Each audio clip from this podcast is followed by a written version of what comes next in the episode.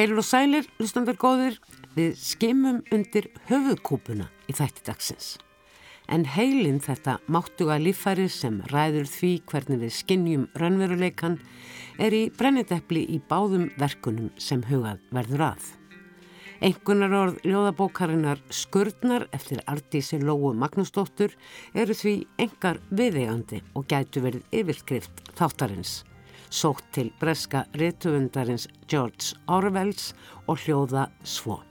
Raunveruleikin er inn í kúpunni.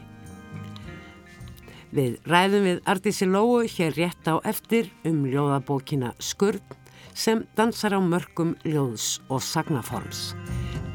Skáltsagan útsýni eftir Guðrúnu Efu Mínurudóttur dansar líka á ýmsum mörgum sagnaskáltskapar. Í síðustu tveimur bókum sínum, Austin, Texas frá árinu 2017 og aðferðir við að lifa af tveimur árum síðar, síndi Guðrún Eva okkur sannarlega að smásögur eru engar smásögur. Í þessari nýju bók, útsýni um hérna hávöxnu Sigurliljutu Val, leikur Guðrún Eva með form storrar sögu og fléttar inn í hana smásögum úr ýmsum áttum og sem eiga það sameinlegt að spretta út úr kúpu Sigurlilju.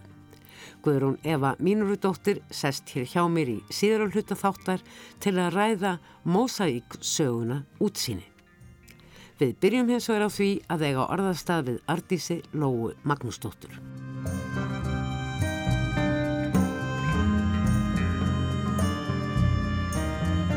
Fyrir rúma ári rætti ég við Artísi Lóu Magnúsdóttur um fyrstu ljóðabók hennar, Taugabóð á hálspennilínu. Svo var fyrna sterk ekki síst þegar haft var í huga að þetta var fyrsta bók höfundarins sem vartaði náð 25 ára aldri og þá þegar hámentuð í frönsku bókmentum og við það að ljúka mestaraprófi í þýðingafræðum.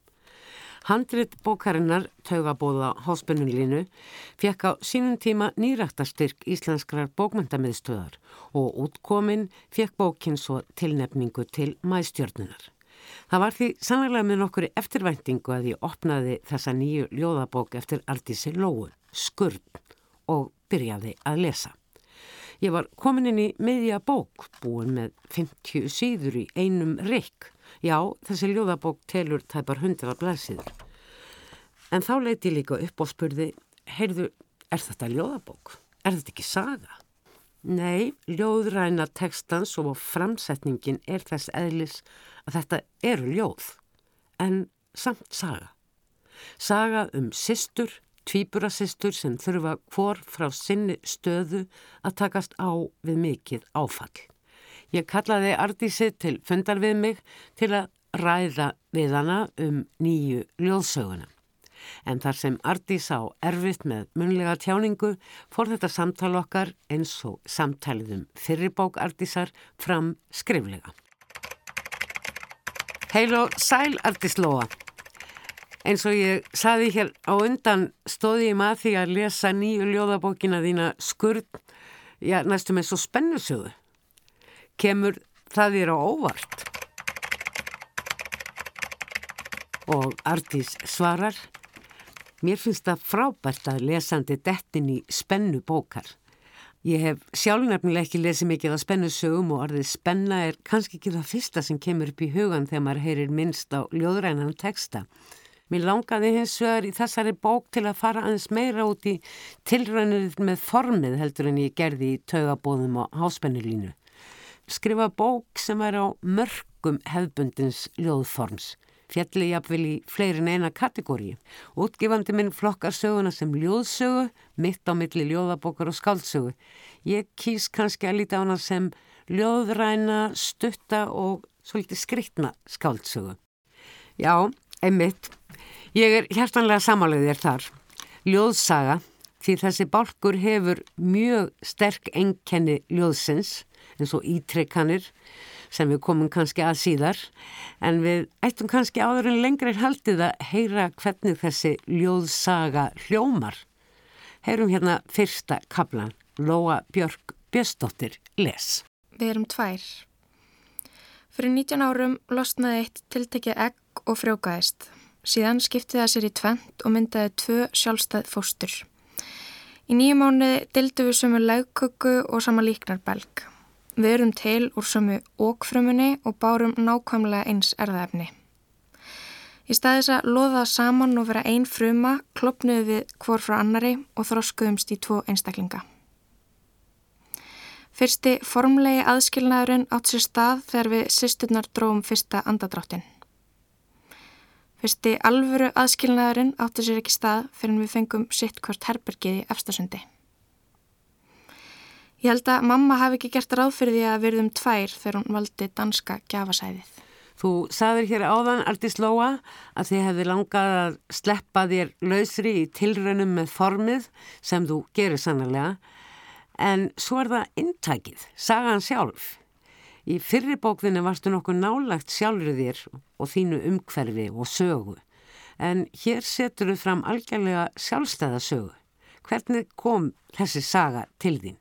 Ætlaður að skrifa um eitthvað ákveðið eins og til dæmis þetta lendadómsfulla fyrirbæri sem einækja tvíburar eru? Eða varst að leitað góðum aðstæðum til þess að fjalla um sáfsöka og sveppleysi? Já, skrifar Aldís Lóa, það má alveg segja að ég hafi sest niður til að skrifa um sársöka og sveppleysi, um sársöka annara og hvort nokkur tíma er hægt að skilja hann til fulls. Ég uppliði sjálf óutskýrt sveppleysi þegar ég var í MH á sínum tíma, í þrjá mánuði svaf ég ekki. Sagan er tilrönd mín til að skilja og ná utanum ymsar myndir líkamlegs og andlegs sársauka. Stef sem kemur fyrir í tekstanum aftur og aftur er setningin Ég get ekki tilt sársauka þínum. Og Aldís heldur áfram Sjálfsagt má líta á svefleysið það að svifta sjálfa sig svefni sem einhvers konar tilraun sýsturinnar sem segir söguna til að þjást eins og sýstur sín. Með öðrum orðum má segja að sögumadur sé beinleginis að búa sér til þjáningu. Þetta er svo hámarkið þegar sögumadurinn fær sér gat í nefið, kringlóttan lokk. Þetta er einn af erfiðustu stöðum líkamanns til að gata og sá sem veldur mestum sásöka. Sárið í kringum nefnlokkin greri næstu daga. Ég veldi verið mér að taka núr. Maðurinn hafi sagt að tæki 6-9 mánuða jafna sig að fullu. Nú voru liðnir fimm dagar síðan ég let gera gatið. Þegar maður finnur til, tekum maður betur eftir hvernig tímanum liður. Og enn heldur Artís áfram. Bókin fjallar líka um leiðina til einhvers konar bata eða sáttar og um það hvernig lífi gengur sinn vana gang hjá öðrum þótt allt snúist á auða bræði á kvolf allt breytist hjá sögumanninum þegar harmleikurinn á sér stað og sýsterinnar lendir í slísi. Á meðan þú sefur drömlausum svefni tengd við allskynns leiðslur og vélar vistu ekki að stöðumæla verður gengur um eiríkskötu og sektar bíla sem lagt hefur verið ólöflega. Þú vist ekki af útsölunni í kringlunni, ómeðutum kringlóta loftsteinin 99942 Apophis sem áallega er að muni skella á jörðinni þann 13. apríl árið 2029. Ómeðvituð um mig sem stend og horfi á þig. Þú veist ekki að allt gengur sinn vanagang. En svo glögt má heyra á orðum þínum Artís og tilvittnunum í bókina þá gerist slis. Allt í einu og án minnsta undirbúnings eins og gjantir með slis og fyrir algjera tilviljun. Við skulum heyra áður en lengur er haldið fymta kabla bókarinnar sem greinir er mitt frá þessu en alls eru kablar bókarinnar jú 94. Svo breytist allt. Eitt daginn eldir köttur annan kött yfir götu. Á saman tíma stýur maður út úr strætó og nefnur staðar til að reyma skonna sína. Úr næstu götu kemur ung kona hjólandi og sér köttin og mannin. Hún missir stjórnahjólinu og framhjóli lendir á gangstéttabrún og þingdaraplið tógar hana til gerðar. Höfuð skellir í götuna og höfukúpan brotnar, eins og ekkjaskurð. Tækið eftir orðinu ekkjaskurð. Við hefum öruglega eftir að koma því aftur í þessu samtali. En dveljum aðeins lengur við tilviljanirnar Artíslóa og það sem er fyrirfram skipulagt. Því hér er skipulagi gengið til verks. Þú nálgast til að mynda sársökan með nokkuð vísendalegum hætti. setur hvertastlegustu hluti í sögulegt samhengi. Þú hefur gaman að því að tengja saman hluti út frá ólíklegustu forsendum. Er skemmtunin við það að skálda artís meðal annars fólkin í því að búa til samhengi? Já, svarar artís, það þarf að vera einhvers konar samhengi í skáldskapnum. En mig langar til að samhengið komi lesandanum á óvart, að það sé einhver óvæntur snúningur sem lesandin býst ekki við. Einmitt. Og þannig er það alla þessa ljóðsögu út í gegn stöðugt einhverjir óvendir snúningar og endutekningar. Ringformið er til dæmis gegnum gangandi í sögunni, egg er næstum því kringlót, þó ekki alveg, og svo er það beltistýrið sem líka er svona gegnum gangandi mynd. Segð okkur artist aðeins frá þessu merkilega kvikindi sem þú notar í ótal hliðstæður og myndkverfingar í verkinu. Og artist segir frá Eitt af því sem heilarskaði sýsturinnar orsakar er að allt sem hún sér er kringlót, eins og séði gegnum rör. Sögumæður fer því að drepa tíman söflösa nætur með því að hugsa um allt sem er kringlót, eins og egg og beltistýr sem þú nefndir að mitt, en beltistýr er jú dýr sem að ringa sér saman í kúlu þegar því er ógnað. Hann hljómar ótrúlega frumstætt að vöðla sér einfallega saman í ring þegar hættastæðið er að. Þau reynir ekki að berjast á móti heldur ringa sig einfallega saman og býða þang til okninni liðin hjá. Þegar ég var að setja hugmyndir á blað, meðal annars hugmyndir um kringlóta hluti, dætt mér fljótlega í hug beltistýr og fór í kjölfarið að lesa mér til um þau. Það kom mér til dæmis svo óvart að beltistýr eiga ímislegt sameinlegt með manninum. Þau eru til að mynda eina dýri sem getur fengið holdsveiki fyrir utan mannskeppnuna og í framaldi komst ég að því að þau eru einnig eina spendýrið sem verpir eggjum sem passar einhvern veginn svo vel inn í söguna þar sem egg er ju nokkus konar leðarstef. Þannig fóru beltistýrin að fá sífælt meira pláss í sögunni. Ég letu meðal annars tengjast ferð sem að týpurassisturna fóru með móðusin í dýragarð erlendis og töskubeltistýri sem sýstirinn egnaðist þar. Svo tengjast skurðn og egg þessu brotthætta í lífinu og eggin líka því sem er ringlega. Hvort vekja kemur oft fyrir í bókinni. Eggjaskurð ver nýtt líf fyrir umheiminum. Það er nógu stert til að bera foreldri sem liggur á því og nógu brotthætt til að ungin geti komast út úr því upp á eigin spýtur. Skurðnin gera það verkum að það þólir bæði köldustu búsvæðigerðar eins og egg mörgesa og þau hlýjustu á borðið Sahara eðimörkina eins og strútsegg. Og á öðrum stað? Orðið egg hefur tvær andstæðar merkingar. Annars vegar vísar það til brotthætts hilkis utanum dýrafóstur og hins vegar getur það mert kvassa brún og nýfi eða sverði. Það merkir því í senn hefði sterka og hefði viðkvama. Og enn öðrum stað? Þú varst að skrifa rittgerði sögu þegar þú leist upp og sagðir Vissur að handsprengjur eru í daglegu tali kallaðar egg. Þegar þær eru notaðar þarf að meðhaldlegar varlega svo þær springi ekki. Það eru einmitt þessar tengingar sem gera ljóðsöguna skurðn eftir Ardísu Lóu svo leikandi aflestrar, spennandi og skemmtilega þótt þetta sé í raun af að harmræn saga.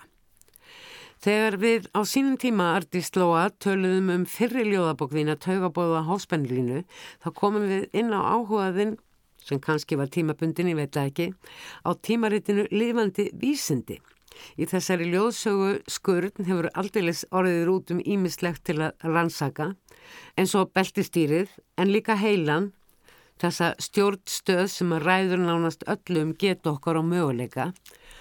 Átturðu einhvers konar þekkingarbankar sem þú gast gengið í eða lagðustu beinleins í rannsóknir í tengslu við þessa sögu?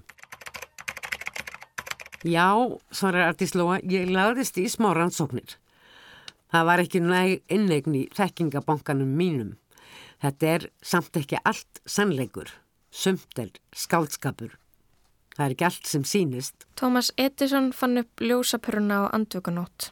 Isaac Newton átti líka við sveppleysi að stríða og sömulegis læknirinn Anna Bombus sem annaðist fólk eftir kjarnorkuslis. Það sama hrjáði stjartfræðingin Lúnu Áer. Ég tók þessu auðvitað eins og nýju neti, Ardís en skálskapurinn getur greinilega stundum betur heldur en vísindin.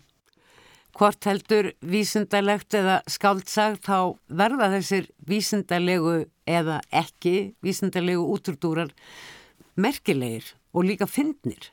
Var þér mikilvægt að lifta stemningunni í þessari raun sorglegu sögu? Já, svarar Addís, ég held að það sé mikilvægt að það sé ekki harmur út í gegn. Einmitt. Ljóðsagan Skurn samanstendur á 94 köplum, mist löngum, sömur allt upp í einn blaðsíða, aðrir einn lína. Pældur þau eitthvað í reittma, Ardís, hrinnjandi bókarinnar í heilt? Mér fannst þessi saga einhvern veginn syngja á köflum. Já, svarar Artís, ég pældi í hrinnjandinni og músikinni í tekstanum. Ég er svolítið að vinna með endurtekningar sem stílbræði í þessari bók og líka með minni sem koma aftur og aftur á borðið setninguna Ég get ekki deilt sásökaðinu. Og Artís bætir við, kannski mætti syngja bókina, gerur hennu óperu um sásökan og það hafi mér sjálfri einmitt komið í hug óberuflutningur þessa teksta. Við komum kannski artís að ennlýningunum um sáfsökan í lokin því mér langar aðeins að koma inn á hvernig einstökum köplum er vísa til annara kapla, mynd áringlaða formið, beltistýrið, ekkið og svo framvegis, ánþess beinleins að nefna það. Var flókið að finna sögunni endanlegt form þurftur þú að bæta einhverju inni til að halda eh, einhvers konar dræfi eða nekja á einhverju. Kanski má segja að formið á sögunni séu margir ringir hverjum annan. Já, svarar Artís, þetta er ringjasaga. Og hún heldur áfram. Ég veldi talsvert fyrir mér forminu þegar ég skrifaði fyrsta uppkastið og var fyrsta hugsun um að skrifa hefbundnari skáldsögu með línulegum söguþræði. Síðan byrjaði ég að klippa söguna niður af því mér fannst efnið komast betur til skila á knappara formi. Á tímabili var sagan enn tilröna kendari þannig að ég raðaði öllu efnin upp á nýtt og spans og tengingar til að byggja upp spennu og reyna að halda aðtikli lesandans til enda. Þannig var þessi ljóðsaga til. Og ég verði að segja að mér finnst Artísi hafa tekist vel uppi með það. Þetta efni hefði orðið allt og þungt í hefbundinni frásögn. Ardís er sammála því og segir fyrsta uppkastið hafa verið of þungt. Ég komst að því að áhrifamesta leiðin, segir hún til að fjalla um sásökan, væri ljóðrætt teksti sem lesandin getur alltaf bætt við. Þannig var ringjasagan til. Já, akkurat, ringjasaga þar sem að ringirni skarast. Það er þó einn að minnstakosti rauður þráður sem þessir ennlínungar sem að ég minnst á bera uppi og innihalda svona variasjónir um ómöguleika þess að finna sásauka annara, jafnvel tvíburasistur sinnar. Undir lokin breytast svo ennlínungarnir að intæki þegar að ljóst er hvernig allt verður nefnilega ekkert eins og áður og tvíburasisturna verða sætta sig við það þannig séð og þetta byrtist í hlátri þeirra heilasköttuðu og því að sögusisturinni tekst að sopna. Ég hugsaði endin sem einhvers konar laust og sátt, segir Ardís. Það er kærleikur og það er ást. Nú þarf bara að kynast þessari nýju mannesku sem týpurassistirinn er eftir slisið. Og sögumæðurinn er heldur ekki lengur þessi viðkvæma sem treystir á sestur sína, segir Aldís ennfremur. Þannig að hún hefur líka þroskast.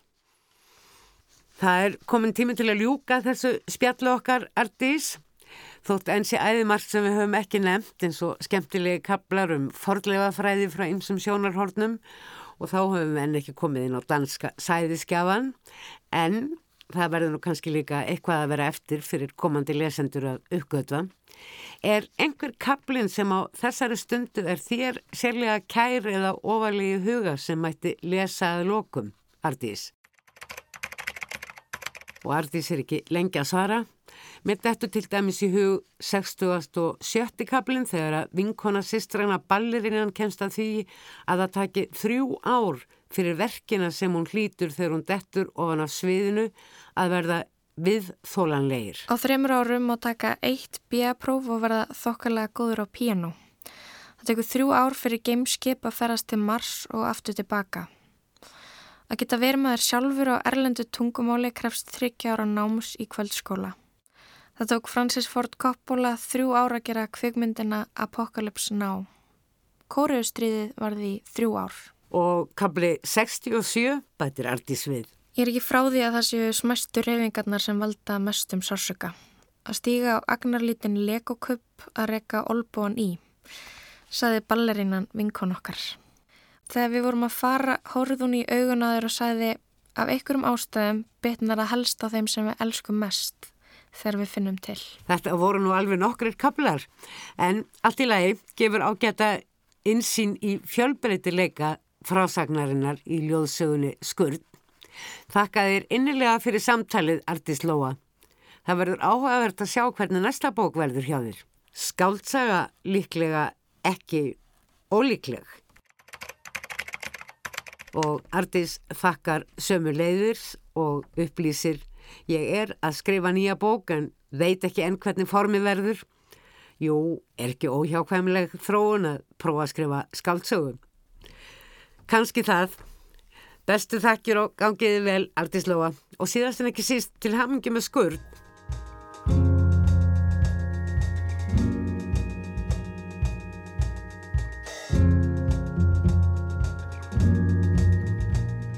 Það er alltaf einstaklega spennandi að opna nýja bók eftir Guðrunu Efu Mínarfudóttur.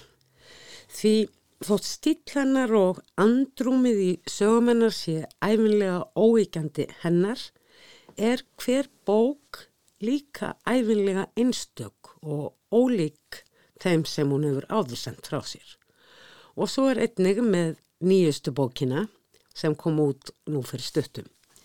Titillin útsýni vísar ekki til landslags sem kemur kannski fyrst upp í hugan, heldur til þess að aðal personabókarinnar, Sigur Lilja Duval, ferðast mögulega oftar en henni ljúft í svefni sínum um nætur við undirleik ringekju tónlistar inn í annað fólk, jafnvel á ymsum tímum í lífið þess.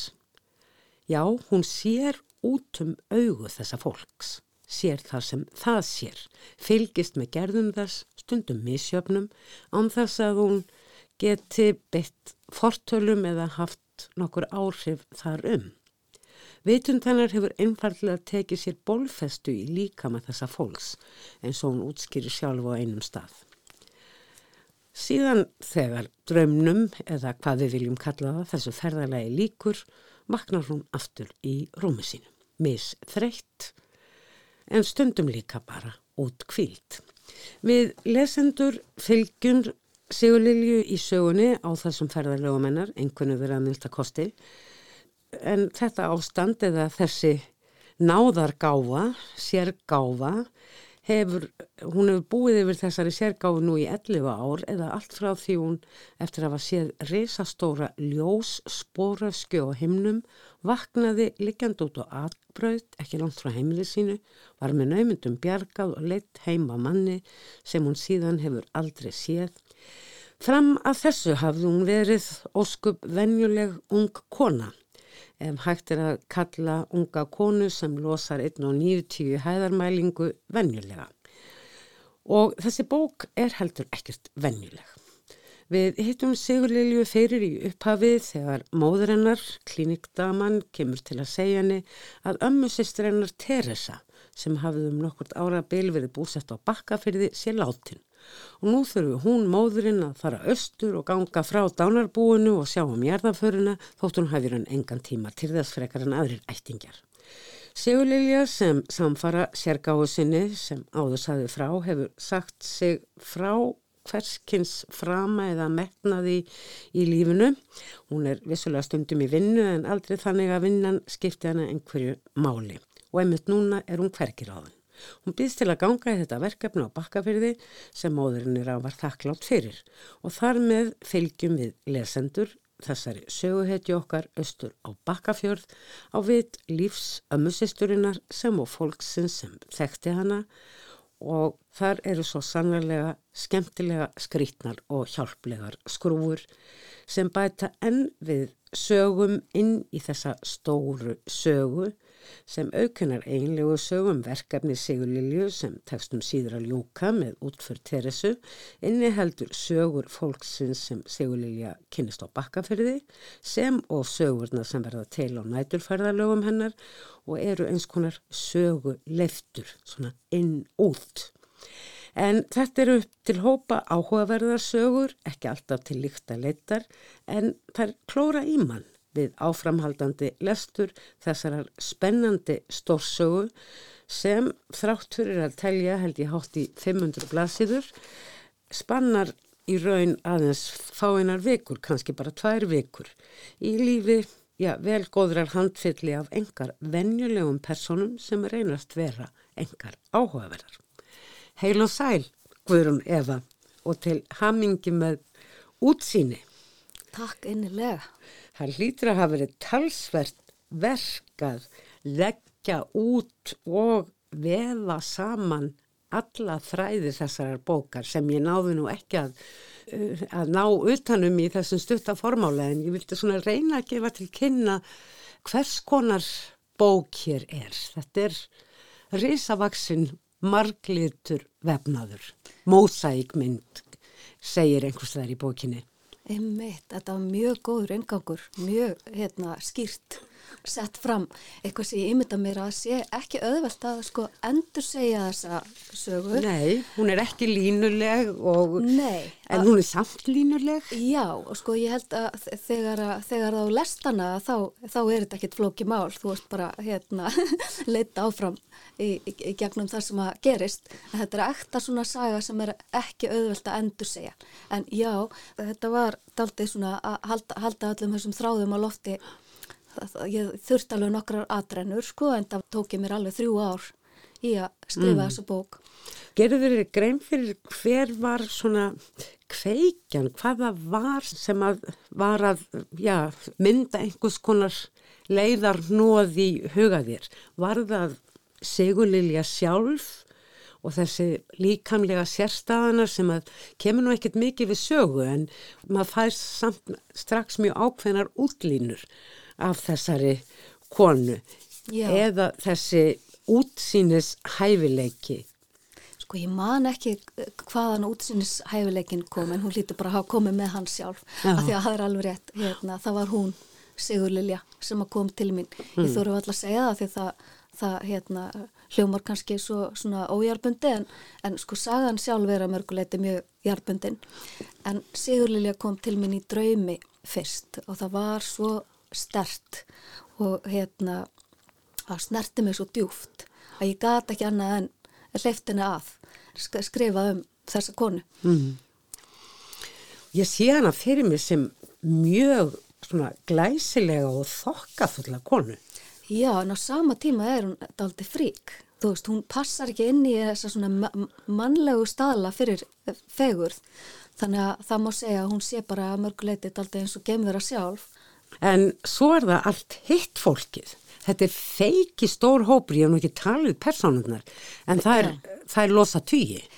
Heyrðu, gott ef það er ekki bara rétt hjá þér.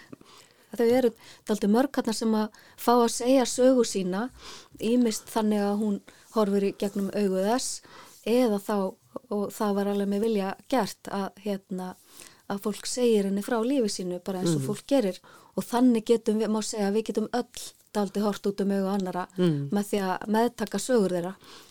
Ég man ekki hvort það var í þessari bók eða hvort þú sagði það við mig í viðtalið þegar við rættum saman um Austina, Texas, held ég að hafa verið, að allir eiga sögur sem eru þess virði að hlusta sér á þær og er jafnvel skráðar. Já, ég er alveg á þessu að hérna, hvert og eitt okkar búi yfir sögu sem að sé bara mjög merkileg og þess virði að, að, hérna, að aðrir meðtakja hana. Ég hef öruglega sagt þetta einhver tíma við þig en, en Sigur Lilja segir þetta líka í bókinni og þetta er ég alveg samfarðum. Þessar sögur þar sem hún horfur út um uh, er inn í vitund fólks, skulum við bara kalla það og sér með þess augum að þær gerast á ótrúlegustu stöðum, hún er stundum bann sem að nötrar af óta við að þetta er lítið strákur að bróðir hans alltaf hendunum yfir svalahandriðið á ég veit ekki hvað, áttundahæðið eða eitthvað. Já. og svo er hún á með konu eða í konu sem að er að vinna á einhverju svona heimili fyrir misþroska eða einhverfa eða eitthvað því hún líkt Já. og meiri segja getur orðið eða var manns, jú næstum mannslát Já. ekki alveg, það fær einhver mikið höfuðhögg Já, mm. alveg rétt Já, og þessar sögur geta farið eh, dreyist yfir nokkra kabla Já. og eru bara all ítarlegar og þar koma í hverju sögu margar personur Já. fram og, og eiga hlutdeild í þessu atviki í lífi þess sem að Sigurlína er stödd í. Og akkurat, þetta eru svona svolítið eins og smásögur sem eru svolítið opnar í báða enda sem að mér finnst þeim eitthvað svo spennandi við hérna smásagnarformið. Og allar þessar sögur eiga sér kveikjur uh, yfirleitt eitthvað sem að mér hefur verið sagt. En ég fann hérna það sem ég var að leitað á þann það var Sigurlið sem segir á einum stað reynsla fólks er mér hugleikin og í stóra samhenginu heldur hún áfram elska ég mannkinnið öll reynsla er merkileg þess virði að vera numin að henni sé borðið vittni og hún jafnvel skráð skrásett fyrir ekki og í þessari bók er samankomin alveg of óbóðslega mikil reynsla. Já, það er rétt, það er rétt og þegar ég sem höfundur uh, reyndi að setja mig í spór Sigurlilju og hérna svona hennar lífstíls mm. að þá einmitt hugsaði með mér að, hérna, að hún væri svo mettuð af reynslu annara og þess vegna hefði hún enga sko sérstaka sérstakann áhuga fyrir sinni eigin reynslu. Eða finnist hún ekki þurfa að sanna sig eða þetta næðinni í rauninni. Mm. og hún, hún er í rauninni lifir svo ríkulegu lífi. Ég, ég hérna, mér fannst bæði gaman að vera samvistum við hana meðan ég var að skrifa bókina og svo öfundaði hana svolítið svona á góðan hátt. Yfir því að hafa hennan aðgang, hennan beina aðgang mm. að reynslu annara við erum öll svo takmörkuð af okkar eina eigin sjónarhóttni nema við náttúrulega leggjum okkur fram um að ímynd okkur hvernig það sé að vera einhver annar. Mm. og það gerum við þetta með því, að, með því að lesa með því að hlusta fólk sem segir okkur frá mm. með því að bara horfa á bíómyndir. En svo koma þarna líka já, hvað ég segja, hugvíkandi efni við sögur eiginlega ekkert minnst á fólkið á bakkafyrði þetta er stór og litskrúður hópur af ymsu þjóðverðni og til þess að kannski auðvitað kannski bæði þér og, og sem höfundi og okkur sem lesendum að ná utanum þennan hóp þá, þá skellir við þetta allsherjar parti hjá henni Lóvísu og það er sko aldeilis velveitt og, og bollan ekki kannski öll það sem hún er séð. Já, einmitt, og hún blandar í hennar kókaini það er eitthvað er það. Og, mm. Hérna. og þær Lóvísa og Sigurlilja ná svo saman í gegnum andlegan gúru sem að kannski er sá sami og kannski ekki. Í lífi Lóvísu heitir hann Carlos og hún var í Söður Amríku og hitti hans söpnuð og tók þátt í serimónium og hvaðina. Lóvís á sér mjög litrikt líf en uh, Sigurlilja hins vegar er á YouTube og, og hefur þar sinn gúru Nevan... Devananda. Devananda. Sko Lovisa er svo eina sem veit hver Sigurlilja er, hvað hún er.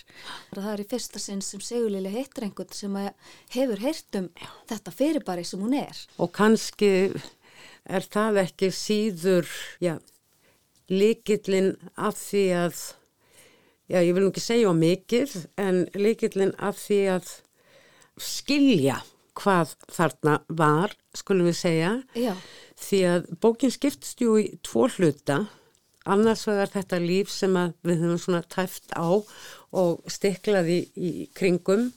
Það er ómögulegt að koma inn á allt í þessari afar fjölsgrúðu sögu og þessu mikla personugalleríi en í setni hlutanum þá erum við komin, það gerir slis eða eh, það, Já, eða ekki hún- kannski beinlinni slis. já, Um, hún missi meðutund þarna upp upp á fjalli og, og, og hérna, það kemur í ljósa. Hún er með heilaæksli Mm, sem að einhver leiti verðist skýra upplifanir hennar vegna þess að þegar það er búið að fjarlæga þetta að þá, þá, hérna, þá fer hún ekki lengur í þessi ferðalög. Hún er bara kjur í sér.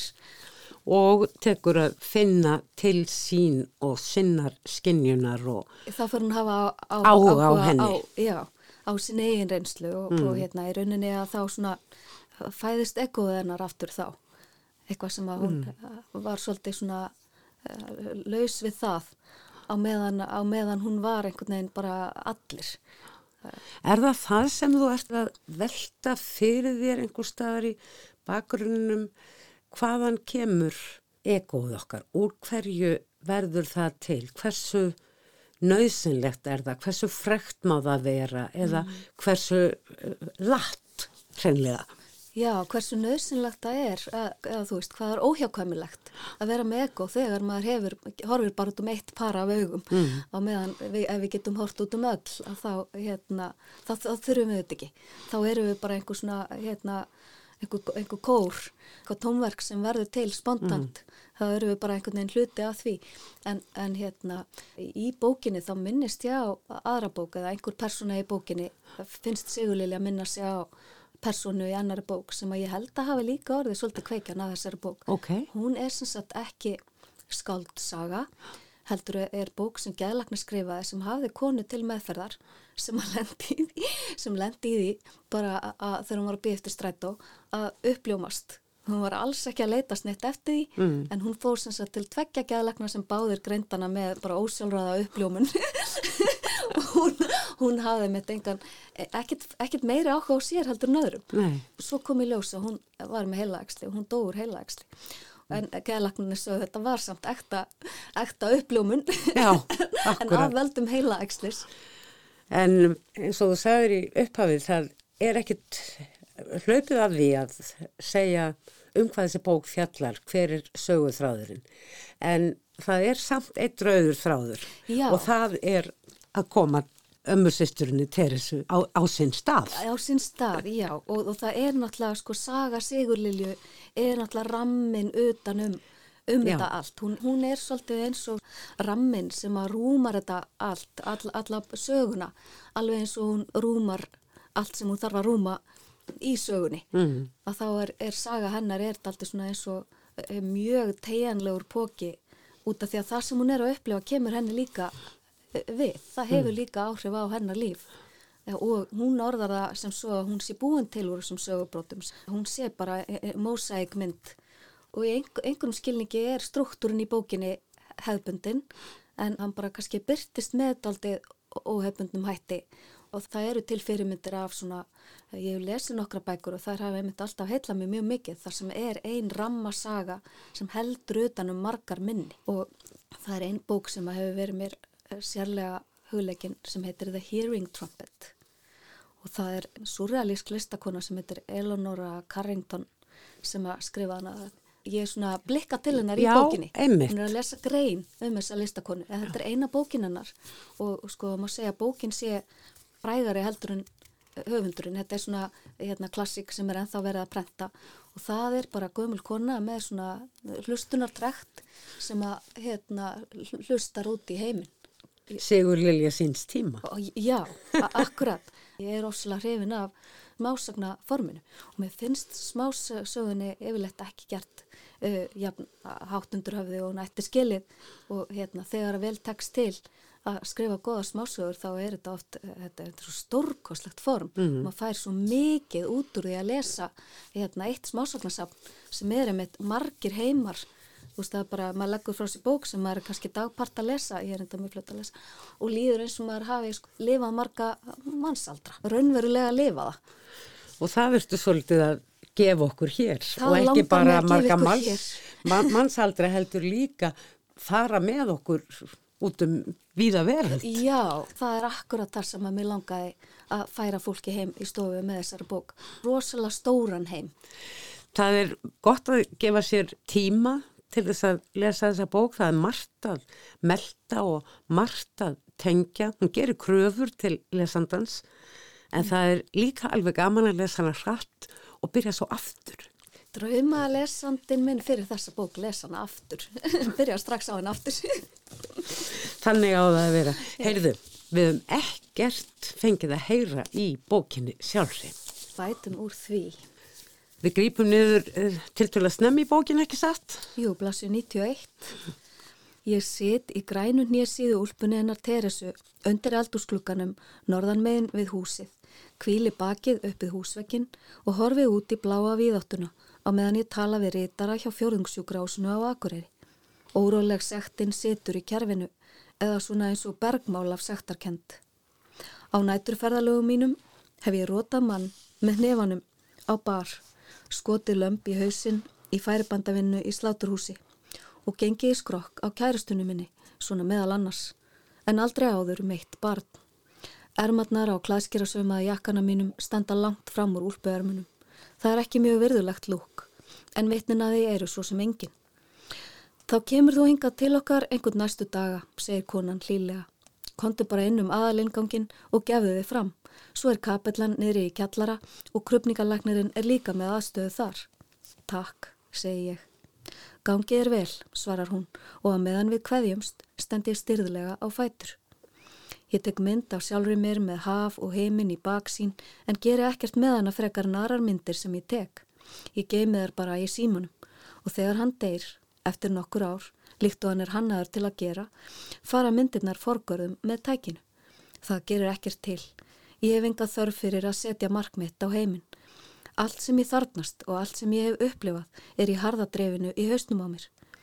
Og þegar rafmagnið sloknar þar uppi og heilin saminast jarðveginum, þarf ég ekki lengur á svona myndum að halda, hvort sem þar eru gemdar stafrænt eða í lifandi frumum.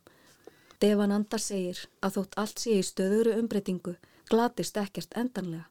Allt kvílir um eilífð í hlýjum og mjúkum lofa guðs og nýtur þar óendanlegar umhyggju og náðar, segir hann. Það á jæmt við um dopnandi minningarbrot eða gödótta flík sem fer í landfyllingu eða látin ástvinn eða landslag sem tætt hefur verið í sundur. Sakleysi sem víkur fyrir vombriðum, líkamleg fegur sem virðist lúfa fyrir tímanum. Ekkert getur með nokkru móti glatast. Allt er eilíft en sérstaklega sálinn, segir Devananda. Á meðan ég hlusta á hann tala eða les skrifans veit ég að svona er þetta. Heilög sannfæring hans verður mín. Guðrún Eva, mínur dóttir, takk fyrir útsýni. Takk fyrir mig.